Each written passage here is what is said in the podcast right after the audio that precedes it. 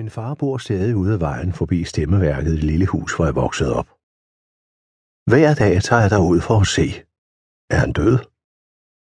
Og hver dag skuffer han mig. Han skuffer mig samvittighedsfuldt dag efter dag. Han smiler til mig. Et frygteligt smil. Han ved, jeg kommer for at tjekke. Er han død? Han ved, at jeg ved, at han ved det.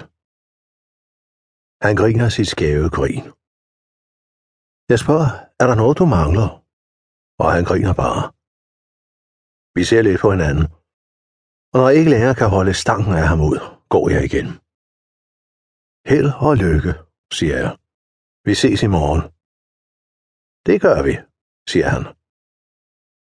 Jeg ved, han har ret. Der sidder et rusten rødt metalhjerte midt på den lave havelåge, spidet på en stang, der kan dreje. Det skaller nu. Det røde er næsten væk. Det skal skrabes og slibes og males og smøres. Men det drejer stadig i vinden. Jeg kan høre det knirke. Knirke, knirke, mens jeg går min vej. Et knirkende, drejende, skallende hjerte. Når han dør, vil jeg få huset og den lille hektar jord, der er tilbage. Han drak farfars gård op for flere år siden. Når jeg har fået ham begravet, vil jeg brænde huset ned og pisse på gløderne og sælge jorden til højstbydende. Hver eneste dag, han lever, sænker den pris, jeg vil få. Det ved han også godt. Han holder sig i live i trods. Hans hjerte er kædet ind i møg, og hans lunger er runkne og sorte. Men alligevel formår han at trække luften ind og væse og hoste og hakke den ud igen. Jeg blev fyret fra mit job for to måneder siden, og det var den bedste medicin, han kunne have fået. Det gav ham seks måneder længere, vil jeg skyde på. Hvis han nogensinde hører om, hvordan Pokey Burke fubbede mig, vil han formodentlig komme sig helt. Så kan Pokey søge om helgenkåring på grund af miraklet. Har jeg nogensinde haft grund til ikke at stole på Pokey Burke? Han var ung, da jeg begyndte at arbejde for ham. Tre år yngre end mig. Men hele sovnet havde arbejdet for hans far, og der var aldrig nogen, der havde noget som helst dårligt at sige om ham, udover de sædvanlige knævne kommentarer. Pokey Burke blev opkaldt efter paven. Jean-Paul blev han døbt af sine forældre. Hans bror Eamon var endnu ikke to år gammel, da forældrene kom hjem med det nye barn. Og han besluttede sig for, at barnet var Pokey. Og alle gav ham ret.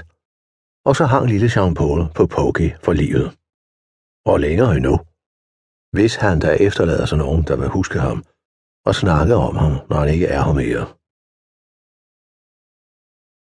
Jeg skulle have vidst, at der var noget i gære den dag sidste år, da Mickey Bryars kom ind og spurgte til sin pension. Gutter, vidste I, at vi alle skulle være med i en rigtig pensionsordning? Nej, det gjorde vi ikke, Mickey. Jo, jo, hos nogen, der hedder SIF.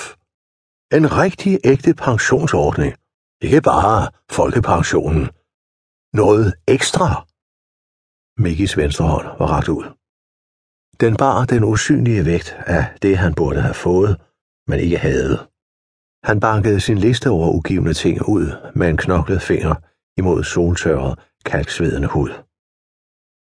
Der var tårer i hans gule øjne. Han var lige blevet fuppet, bestjålet, og ikke engang af en mand, men af en lille lort. Det var det, han ikke kunne komme sig over. Han gik over og gav sig til at hamre løs på den billige dør, til Pokey åbnede den på klem og smed en kuvert ud til ham og smækkede døren i igen, netop som gamle Mickey sænkede hovedet og kom imod ham som en gammel gedebuk. Mihis hårde gamle hovedskal smadrede mod døren, og det var lige ved, at den gav efter. Pogge må have været ved at skide i bukserne. Jeg vil have min forbandede pension, din lille lort, skreg og råbte Mickey. Jeg vil have min forbandede pension og resten af min understøttelse. Kom ud, din røvhul, så jeg kan slå dig ihjel. Til sidst gik han op på pladsen og gav sig til at vælte trillebøger.